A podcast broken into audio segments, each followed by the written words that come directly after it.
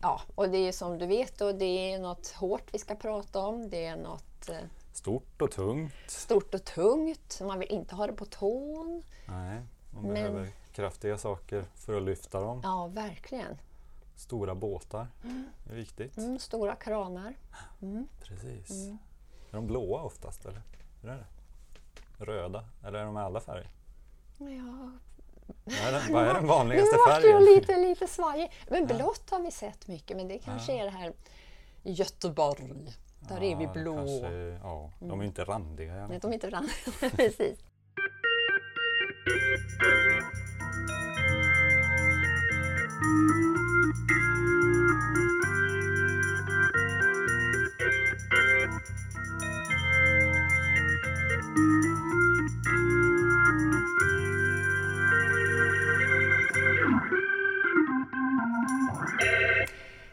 Hej och välkomna till podden En kvart om Göteborg som är Stadsmuseets alldeles egna podd där vi pratar om Göteborg ur massa olika kulturhistoriska aspekter. Och idag så är det Det är Christian här, bebyggelseantikvarie, som står och pratar. Mm. Och Ylva som är intendent på Stadsmuseet. Och här är vi nu redo för dagens avsnitt. Ja, och idag ska vi prata om containrar Mm. av alla saker. Dessa spännande stora stållådor. Mm. Kanske ett lite märkligt ämne för en kulturhistorisk podd kan man känna. Men eh, alltså de har ju en väldigt spännande historia. Ja, verkligen. Ung men spännande. Mm. Och en viktig roll i hamnstaden Göteborg. Och de börjar nu också smyga sig in som på andra håll i stan och med andra funktioner. Ja, Eh, och du Ylva har ju en väldigt fin berättelse hur det gick till när den moderna containern uppfanns som du har berättat för mig. ja precis. Kan du inte ta den igen? Ja. Jo, men det här är ju... Året var 1937. Eh, och Malcolm McLean står och ser på när lasten från hans lastbil lastas ombord på ett fartyg. Och då slår det honom att det var ovanligt vad klantigt folk bar sig åt den här dagen. Man häpnar över ineffektiviteten. Oj, oj, oj. Ja, men precis. Massa klant, klantskallar som var ute. Och han får då idén att på en gång kunna lasta ombord hela liksom lastbilens lastrum. Alltså man, man, man plockar inte grejerna en och en utan man tar hela lastrummet och lägger över på en båt. Eh, och det här gör ju liksom att i förlängningen då, att när man kommer på det här att man inte behöver stå och plocka styckevis så kan man eh, öka takten. Det går dubbelt så fort och blir mycket billigare i längden. Och den här idén, den slår han också mynt av ungefär 20 år senare när han grundar ett transportföretag. Och 1956, det är ju inte så länge sedan faktiskt, så genomförs den första resan med containrar med båt. Ja. Nej, det är ju inte alls länge sedan. Nej. Men tog, han stod och funderade i 20 år då nästan. Nej, han gjorde väl annat också. Han kanske gjorde något annat, fick skrapa ihop lite pengar. Ja. Men containern har ju en, en, en längre historia än så här egentligen. Eller Mm. en form av container, en träcontainer, fanns ju redan på 1700-talet då man transporterade kol Mm. i England. Och, men det var ju just Malcolm McLeans container som gjorde att den ser ut som vi idag tänker på den. Mm. Stor och i stål och liksom ja men den storlek den är. Mm. Eh, och efter det har han ju haft en väldigt stor påverkan på världens transporter. Ja, Han- verkligen. som du sa. Mm. Och det är ju ja, det är 60 år sedan Malcolm McLean skickade iväg sina containrar på den första resan. Mm. Och idag genomförs, om vi ska lita på Wikipedia, vilket man inte alltid ska, men vi Nej. gör det här. Mm. Då genomförs 90 procent av all fartygsfrakt med hjälp av containrar. Alltså 90 procent, det är nästan all frakt Mm. som sker med containrar. Mm, det är respekt ingivande, Ja, verkligen. Eh, och man kan säga att det här med att 90 procent av all eh, frakt håller på och far iväg då med containrar, det, det hänger ihop också med hur, hur Göteborgs hamn har påverkats. Mm. Det är Skandinaviens största hamn och vi har 130 linjer där idag som, med destinationer i hela världen. Och 60 procent utav vårt lands containertransporter sker härifrån. Ehm, jag läste någon siffra här om att det var 800 000 containrar som lastas och lossas i Göteborgs hamn varenda dag. Inte varje dag. Nej, vad säger jag? Inte varje dag, men på ett år. Ja, på ett år. Ja, men Ja, precis. Ja, men precis. Men 800 000, man fattar att det är rätt mycket som forslas. Mm.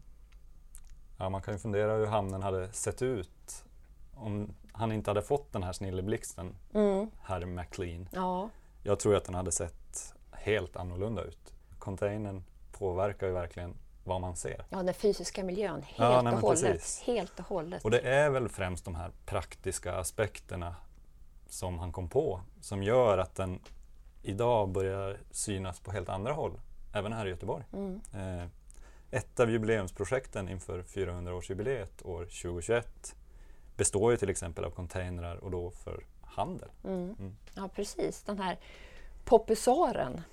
Ja, En slags kna- upplevelsebaserad knallemarknad som kan flytta omkring. Då. Mm. Eh, och nu här under 2016 så har det stått en pilotversion på Esperantoplatsen som vi skulle gå och rekognosera men tyvärr hade den ju flyttat då. ja, vi var lite sent på Vi bollen. var lite sen på bollen där. Men den har i alla fall stått där, flera containrar.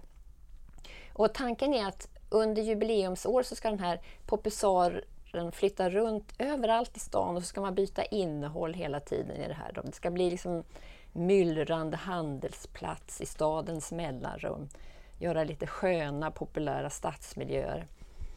Eh, ja, någon slags tillfällig arkitektur som ska liva upp i mellanrummen. Mm. Med handel då.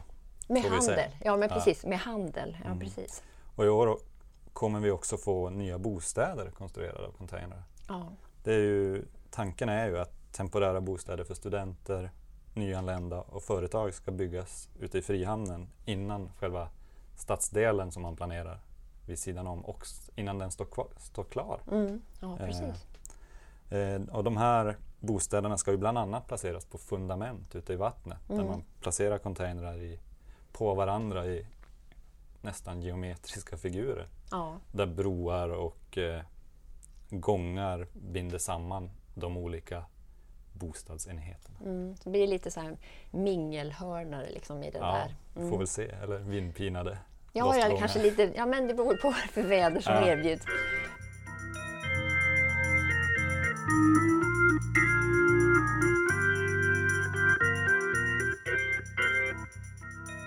Det är nog tre olika företag som har fått i uppdrag att utforma de här bostäderna i Göteborg. Och bland annat det här danska Utveckling Danmark och tillsammans med arkitektkontoret BIG som stått för de här bostäderna på vatten. Mm. Och idén kom ju utav en dansk man som heter Kim Lodrup. Eh, när hans son saknade studentbostad. Mm. Eh, och då kan man säga, det är kanske inte den första idén man tänker sig, ja men jag lägger ut en container i vattnet. De brukar inte flyta så där sanslöst bra. Nej, man får nog sätta dem på någonting. Ja, men, det, men ändå, idén kommer helt enkelt utav att det är så dyrt att bo i stan. Alltså det är marken som är så dyr. Mm. Och bor man på vatten så har man inte det problemet. Så att den här idén, eh, att bo på vattnet helt enkelt på, i container, den finns nu i Danmark och i Frankrike och i Göteborg. Och det här, då skapar man bostäder med väldigt kort bäst före-datum kan man säga. Det är cirka 15 år som de beräknas hålla en sån där containerboende. då. Precis, det är det som byggloven här i Göteborg är satta på. Det är, det är verkligen en kort tid Ja, och det är ju verkligen en nödlösning nästan. ja, Får man väl nästan säga, Ja. även om det är en snabb. en, en snabb, men den är ju ändå den är ju genomtänkt men den är ju väldigt snabb. Det är Mm. något snabbt man slänger ut här. Ja, precis. Och här är ju, även här kan man säga, det är samma tänk som med popusaren att, att den här byggnaden av containern ska fylla ett mellanrum med människor innan det nya är planerat. Um, alltså någonting, man etablerar någonting med de här män, människorna som flyttar in i de här containrarna. Mm. Eh, och det finns ju massa annat i Frihamnen, bastun, bassängen och ju, jubileumsparken. Så att containrarna blir tillsammans med det här andra en slags pionjärväxter kan man säga. Ja. Eller, alltså lite blir det som att containerhusen agerar förtrupp Ja. åt det som, det som ska komma sen. Mm. Eh, jag vet inte riktigt vad jag tycker om det här. Mm. Eh, det finns ju en risk att de hamnar i ett tomrum istället för ett mellanrum. Att det ligger väldigt centralt Frihamnen med nära till omkringliggande områden men det kan ju också bli så att de hamnar i ett vakuum för sig själv Ja. på ett sätt. Det kan jag vara lite orolig för. Jo, det kan man ju faktiskt vara. Men samtidigt kan man säga att det är en enorm bostadsbrist så det är väl det som trycker på. Man Ja. behöver hitta något snabbt och smart sätt att få liksom bostäder för de här grupperna som annars har det extra svårt Jo, att komma in på bostadsmarknaden. Och på utsidan så är det ju inte så vackert precis. Men på insidan så är det ju ändå någon form av vanlig lägenhet. Lite glesare med ljusinsläppen då kan man säga. Ja, det kan man säga. Och lite knepigare planlösningar Ja, får det väl ändå bli. ja det får Ja. det nog bli. Ja. Nej, men du har ju rätt här. Och, men jag hade nog hellre sett att de här byggnaderna för de här grupperna var en del, en, en del av helheten som ska byggas i Frihamnen och inte en pionjärväxt eller en förtrupp. Jag hade sett att man la in det här i hela projektet och att då hade det blivit, för mig i alla fall, social blandning på riktigt. Nu känns det som att de olika delarna eller etapperna avlöser varandra. Och att, ja, men containern kommer först och blir den här pionjärväxten som sen försvinner när lite mer stabila växter kommer in. Stabila ekonomier flyttar in. Ja, men man kan säga, jo, men, men visst, så kan det bli. Men det kan ju också vara att någon av dem som flyttar dit i de här containrarna kanske stannar kvar också. Ja, Men eh, vi får ju hoppas på det. ja, men precis. Och sen undrar jag lite, vad händer om det här senare projektet drar ut väldigt länge på tiden Mm. eller, eller inte blir av som man hade tänkt sig? För det, alltså, ingenting är ju förrän det är byggt. Då finns det ju inte. Nej, precis. Och vad, alltså blir det tomt i Frihamnen igen då man får börja om på ruta ett med det här, den här sociala experimentet som man försöker sig på? Ja. ja, eller så får man väl bygga en liten trailerpark. Ja. Det finns ju olika slags. Eh, jag såg nyligen en bekant som hade en gammal skolbuss som en student hade byggt om till studentlägenhet. Mhm. Eh, och eh, ja, det såg faktiskt väldigt mysigt ut. Ja. Och så kan man säga, plockar man bort eh, hjulen på den så har du ju typ en container. Det här är också ett sätt att lösa bostadskrisen Ja. faktiskt. Eh, en återanvändning då. Mm. Eh, och kollar man på internet så ser det ut som att det är rätt populärt att bygga hus av förbrukade containers. Ja. Det är liksom miljövänligt att återanvända ett material och kanske inte snyggt men ändå lite kul sätt att bo på. En del har ju faktiskt lite idéer också rent arkitektoniskt med det här. ja, men det är ganska kul att kolla på de här bilderna. Det Mm. finns ju egna hashtags för hus byggda av containrar och det, ja, de ser inte alla likadana ut. Nej, men det är kul nej. faktiskt. Ja, och det har ju börjat komma som sagt i Sverige det här också. Eh, så ja, än är inte den sista hippien död, men det är väl inte bara hippisar som bor i de här, men det är ändå eh, de som började tror jag i, i när containern började byggas på 70-talet. Ja. Men nu när vi är inne och pratar om containers så känner jag ändå att vi måste, måste nämna en helt annan händelse här i Göteborg där containern har spelat en, en stor roll. Mm. Och det är ju den här ringen som polisen slog runt Hvitfeldtska gymnasiet under EU-toppmötet och dåvarande president Bush Mm. besök här i stan i Göteborg i juni Mm. 2001. Mm. Då 500 människor vaknade och helt plötsligt befann sig innanför en ring av stål Mm. av sådana här containrar. Mm. Just sådana vi pratar om. Ja, det är ju rent fasansfullt som man tänker sig. Det är ju verkligen en helt annan roll som containers spelar då. Eh, när man eh, sätter upp dem för att hindra människor från att röra sig fritt. Mm. Eh, och det här är verkligen en del utav Göteborgs moderna historia. Vi kan faktiskt säga nutida krigshistoria. Ja. Eh, och eh, att den här lådan, en praktisk låda av plåt plötsligt laddas med våld. Mm. Eh, och jag tror inte att någon av dem som var med, varken de som var innanför ringen eller utanför den, någonsin kommer glömma det. Eller, ja, inte heller Göteborgs stad. Nej. Vi andra som Nej, kommer heller aldrig glömma den här upplevelsen. Att, eh, och det är också ja, men det är så otäckt på så oerhört många sätt det här med att det är unga människor, att det är liksom på en plats som man hade tänkt skulle vara någon form av demokratiskt häng Mm. Så är det. mm, som eh, får den här formen utav eh, med hjälp utav containrar så laddar man den med någonting helt annat. Eh, och det är väl det som är det här med container, man kan ladda den med olika saker helt enkelt. Mm. Ja, här blir den ju dess hårda och ganska kraftfulla uttryck kommer ju till en helt annan användning här. Ja. Ja. Och den har ju haft, som vi har pratat om nu, väldigt många olika användningar och det, det är ju helt enkelt, det är ju någonting man laddar med en karaktär Mm, och det, det svänger ju verkligen, mm. och, både på gott och ont. ja, på gott och ont. Men jag undrar ju lite, vad, vad tror du om Malcolm McLean hade stått här med oss idag och sett på alla de här exemplen vi tar upp, man, vad man använder hans uppfinning för? Mm. Den här revolutionerande transportlösningen han Mm. kom på. Mm.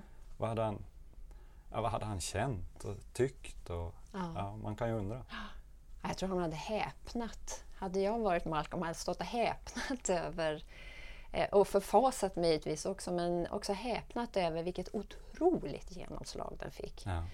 Det är ju liksom, det är ju, ja, det är en helt sanslöst eh, påverkan som den har fått på vår moderna värld Ja, på alla sätt. Så det är ju det är en, eh, samtidigt det är en oerhört skarp och smart lösning kan man säga. Så, ja, what's not to like? Nej, här används det inte helt andra grejer. Då. Ja. Nej, men det, det får bli slutorden för dagens podd. Ja, men det får det bli. Ja, så vi säger hej då! Hej då!